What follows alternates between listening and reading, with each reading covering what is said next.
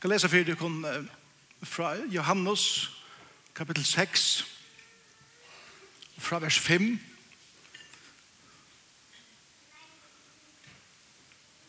Ta og nu Jesus litte opp eiesynet og sa at nekk folk kom til hans herre, sier han ved Filip Hver skulle vi kjøpe brei så hese kunne få av det etter. Hetta sier han fyrir er at røyna ham, til at han visste sjolver hva han får å gjøre.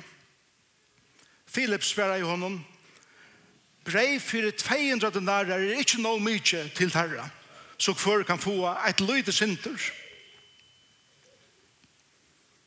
Ein av lærersvann hans herra, Andreas, bror som Peter, sier vi ham, her er en smadronker som hever fem big brei, og tveir småar fiskar. Men kvært er det til så mong? Jesus sier, la det faktisk seta seg nyer. Her var nek, det her var nek græs av stenen. Mennene sette seg til nyer, akkurat om 5.000 i tale. Altså 5.000 menn. Kvinner og bøten ikke i så vi tar vi kanskje 12-15.000 folk. Så tok Jesus breiene, takka hjem, og bytte ut til herra, og så til her. Som leisa fiskene, så mykje som tei vil da heva. Og ta ui tei var mett, sier han vi lærer svenna synder, saune samanbitene, og i av leipa, så anki spittlist bort. Tar sauna vi ta saman, og fyllt og tølv kurvar vi biten av henne fem byggbrøyene. Jeg løper fra heimen og i ete høtt. Og det Herren sykna sitt år.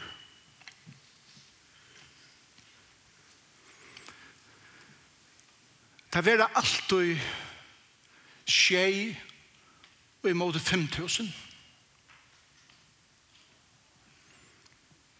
Det var alltid fem brei og tvær fiskar, tjei og i måter fem tusen. Vi ørnøren og i godsa rokkenstikjen og i tøy andalige dimensjonene fer det alltid er kjennast til okkon som, som hitje er at er at det aldri røkker til. Det er alltid å lyte. Det er alltid mangel. Det er alltid hva vi føler at jeg stretcher ikke, eller at mine stretcher ikke, eller at det som jeg eier stretcher ikke til, til at tørvener rundt om oss er så iverstor. Det er alltid skje i mån til, eller i måte 5000.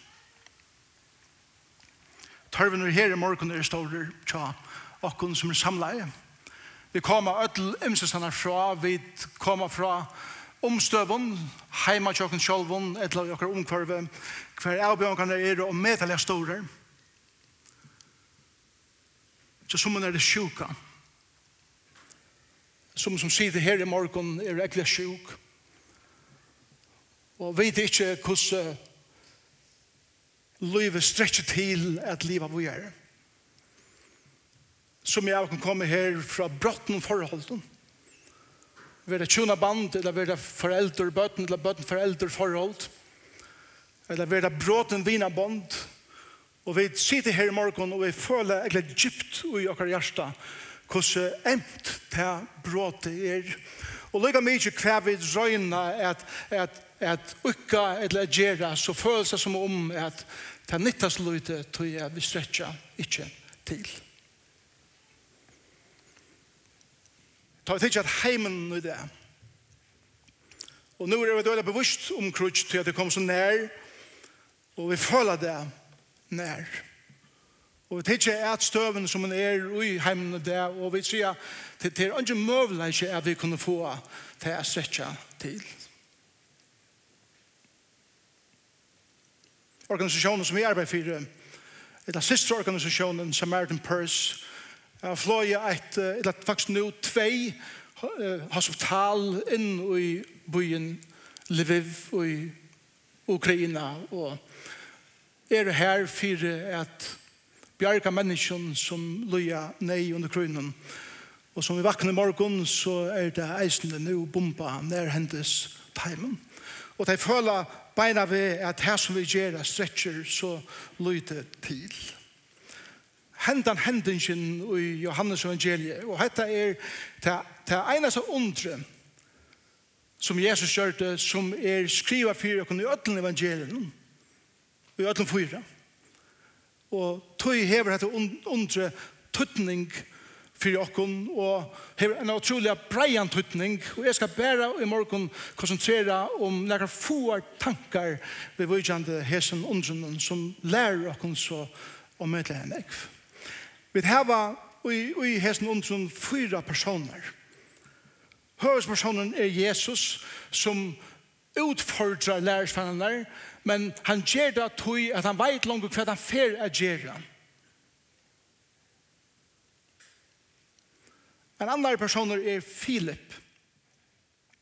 Filip var en fantastisk lærersvenner. Han var øyla, øyla reeller. Han var en maver som, som hukte et støvende og tog vel er med om hvordan ting skulle handfærast.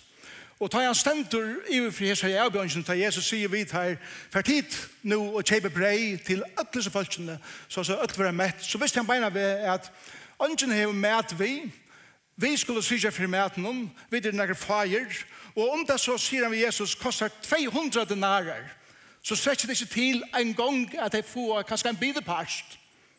200 denarer er 200 dier arbeidslønn. En maver kjente en denar om dagen av Jesu døven. Så det oss om tjei måneder løn, jeg kjøper brev fire, og det er gang å stretja til. Philip vært han rasjonelle ofta kanskje er sinde kritiske, men to var han djupt nomen av liv Jesus her, som totalt revolusjonerer i hans her liv, og hentan hendelsen. Hinn maveren som vi eisne er interesseret til, var Andreas. Andreas var maveren som uh, hei så gavene at hitje ut iver fjöldene, og Og han leie mersi til folk.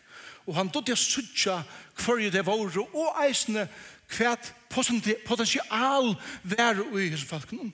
Andreas vær han maveren som ta og han fisk kom a kjenne Jesus, rann etter badjasønne som Petre og får til Jesus vi svimene for å introdusere han til Jesus. Hugsa det kom, ein badje, teker han annan badje og, og forteller honom om Jesus og teker han til han. Og sene trakkar Andreas attor, og Peter blir maver som trakkar fram og blir leieren.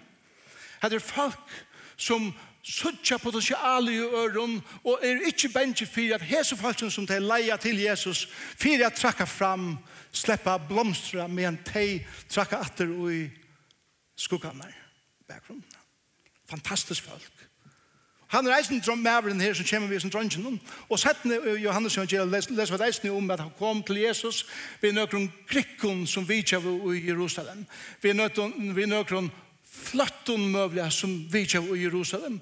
Vi har någon färra falkon som vi i Jerusalem. Och var ahoavar, och lukka mycket för malta vär, lukka mycket för, för etnisk bakgrund, eller social bakgrund av er att introducera dig till Jesus. Andreas var en slukor.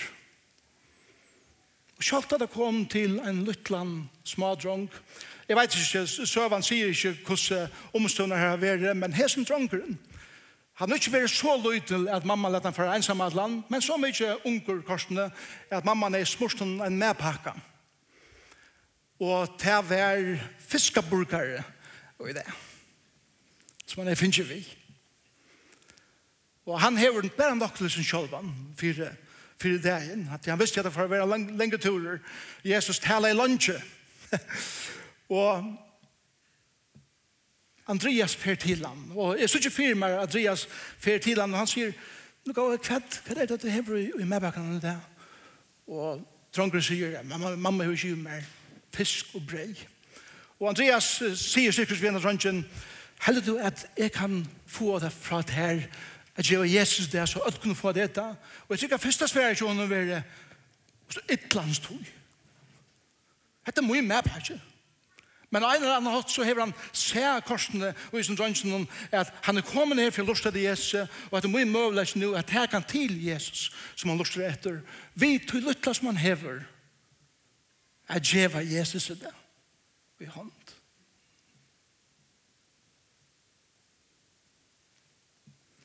Andreas var en maver som ångan til hukte etter at det som du hever er for lute imon til tørven. Eller at det som du hever kan Jesus nok ikke bruka korsene. Han var maver som sa forbi alt av det her. Han visste at hvis jeg kan få fæder i tær og i tusen du hever, kjalt om tær og imon til tørven ser omøtelige lydig ut. Så langt som jeg kan få at til Jesus, og djeva Jesus til det som du hever i hånd, så veit det. Og til Andreas visste det. At ta Jesus fær tutt lytla i hånd, og han hever signa det. Så markfaldas det. Og så er det sånn lytte smadrongren som ombår folk som kanskje først hugsa er at det som jeg har er så løyte. Men to hugsa, men det som jeg har kan vånande brukas til neka. Og han hikker etter 5.000 måneden. Han hikker etter fjölten som han er ui, og han ser bare et hev av menneskene. Og han hikker etter sin lilla medpakka, og her ser han fem brei, og en greipe av fiskon, og sier, etter det som jeg har. og Jesus forfæter av tog.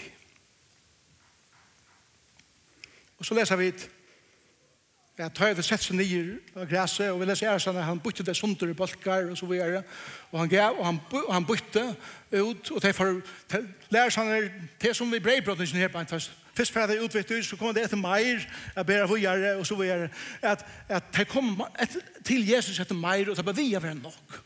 Det stender i teksten her er at öll våre mett. Öll våre mett.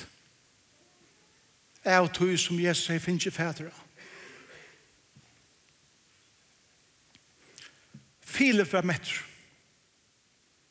Den skeptiske realisteren som setter spurningar vi om hette måtte hetta mundu fyrir genga, eisni han var mettur, eisni han var signaver. Andreas var metter. Smadrongren var metter. Til Jesus er finnes i fædre at han var nødlom. Og visste hva han kunne gjøre. Som du sitter her i morgen, så vil jeg si at, at i mine 22 år i hese samkommende, så er en år vi bryr av allmänt hever ein av mine største største glede være er suttja mennesker som trakka til vi ødlen til lytla som vi heva og sier hvis Jesus kan bruka hetta og få at her i hendur og han kan sikna og takka for det som jeg kan gjeva så vil det og hendan sank om han hever blomstra og i öll hessi årene, tror jeg at det er folk i disse samkommende, som bare er skeptisk og realistisk, men ta åpen for Jesus. Vi har folk i disse samkommende som er, som er folk som doa er suttja potensial i øren og at etja deg at være vi. Og vi har folk i disse samkommende som sier Jeg har ikke rævla nek at bjóa, men det som vi har innskjer skal være givet til Herren, og han skal slippe at gjøre vi det som han vil. Og enskund sier vi det ofte at Gud hikker ikke at ability, men han hikker at availability. Og jeg har tytt til forrest så leis at Gud hikker ikke at tog eller kvarjen videre før men hverjum vi er fus til. Vi har fullt av folk her i morgen som er førfyrir alt møvlet, som har great ability, og gavene som det heva, ta det sleppa blomstra er utroligere. Men spurningren som Herren spyr okken i morgen, er leite først etter availability. Etla til å være tøker, åren er leid etter ability, etla til å være førefyre, etla at doa vel.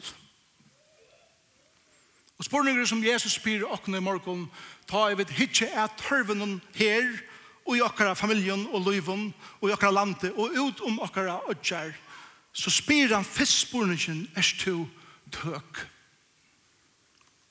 Er du tøker? Er du? Er du fus? Er du fuser Er trakke inn og tæna mer? Det er så, ta og vid er du tøk. Ta og vid kjer en tøk som er som dronkeren gjør det. Ta kjemmer Herren og sier, og det som du do vel, og det som du hever, det som du eier, til tilfange, skal en nå teka, og leta det markfaldast, mongen til sikring. Takk Jeg var en unger herrer bråten mever. Som i mange år har jeg valgt fra å fylgjast vi gode i løven. Og lykkevel så her, arbeider herren spekler og i mer vi har bråta mot herre hjärsta nyer.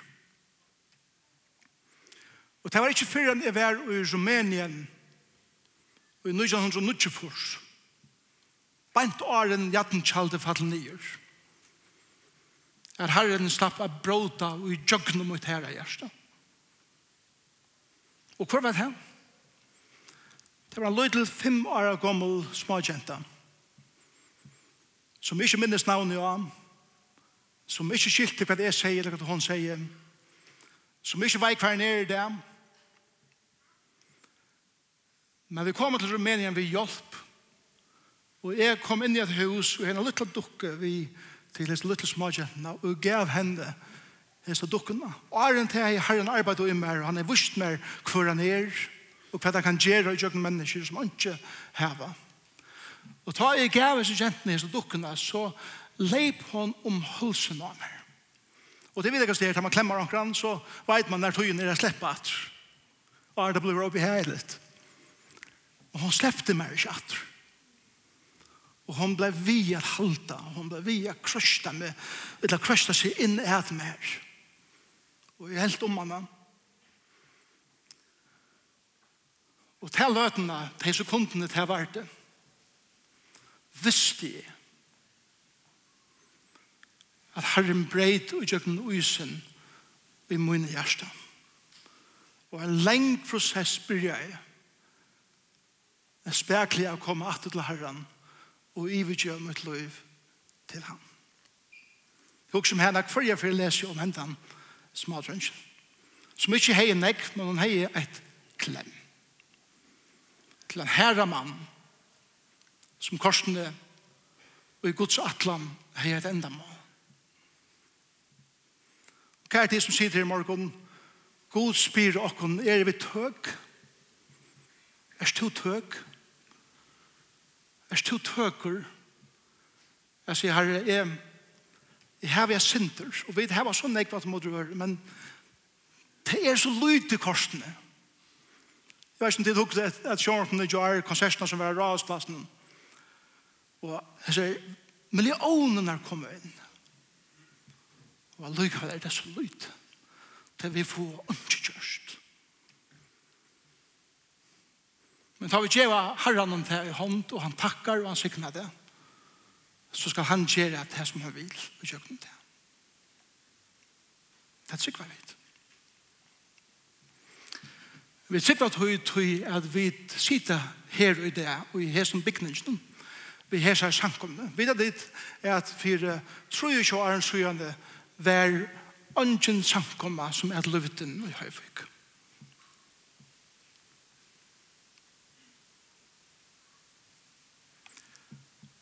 Men ta våre nøkker. Som søtte, jeg vil sikre på at god kan gjøre et versk i Høyvig. Og vi sikre på at, at, at god en dag for å kunne reise en sankum som kan være ljøs av tøyste. Som er våre som Filip, råkna av tenke ut og ta seg trobult ut. Andre våre som Andreas, som, som sa potensialet, andre var som smadrongren, som sa, vi vil ha gjerne være vi. Og sammen så kom det til Jesus vi tog, og sa til Jesus, om du vil at jeg skal byrja her oppe i høyvisene, så djeva vi tær tær i hånd. Og det finner dyrve at byrja sundagskullar. Det finner dyrve at byrja biblibalkar. Det finner dyr vi at byrja samla folk opp og gjør det spent og på at Gud kan gjøre meir enn det som vi har just det.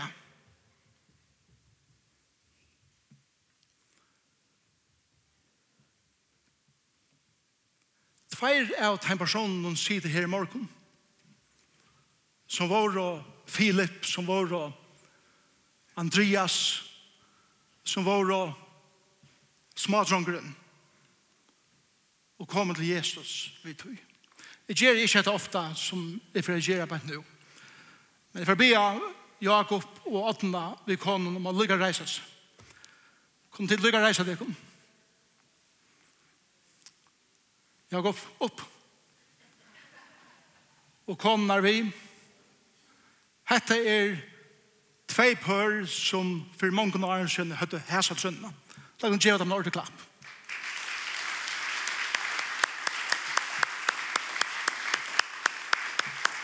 Jeg er ikke bygd om løyve i åren til bedre bygd om som og nå. Jeg vet at her er ikke dama det her, men jeg vil bare vise at jeg at ta vi ta så om lykkelse som hese og under som hese, så er det veldig folk som har en trygg for at Jesus er fører for å gjøre han det, og som blir vi og halter av og slipper ikke, selv om det ser utrolig lydig ut som han hever av bjøa. Men at det er familier som, som så på det kjale og i nøkron som kom, og jeg var en av timene om, som kom til førjer, og vi høtte en liten medpakke av fem breien og timen fisken. Og der så at hvis vi kunne være fætere hæsen og gjøre det til Jesus, så kan god markfalda det.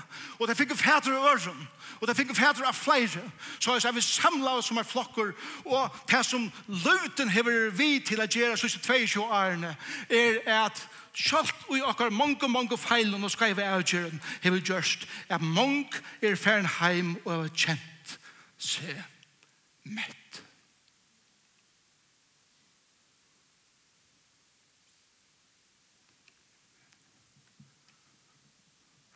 Og det stender i sin teksten at Jesus gjør det for å røyne det her til han visste hva han skulle gjøre.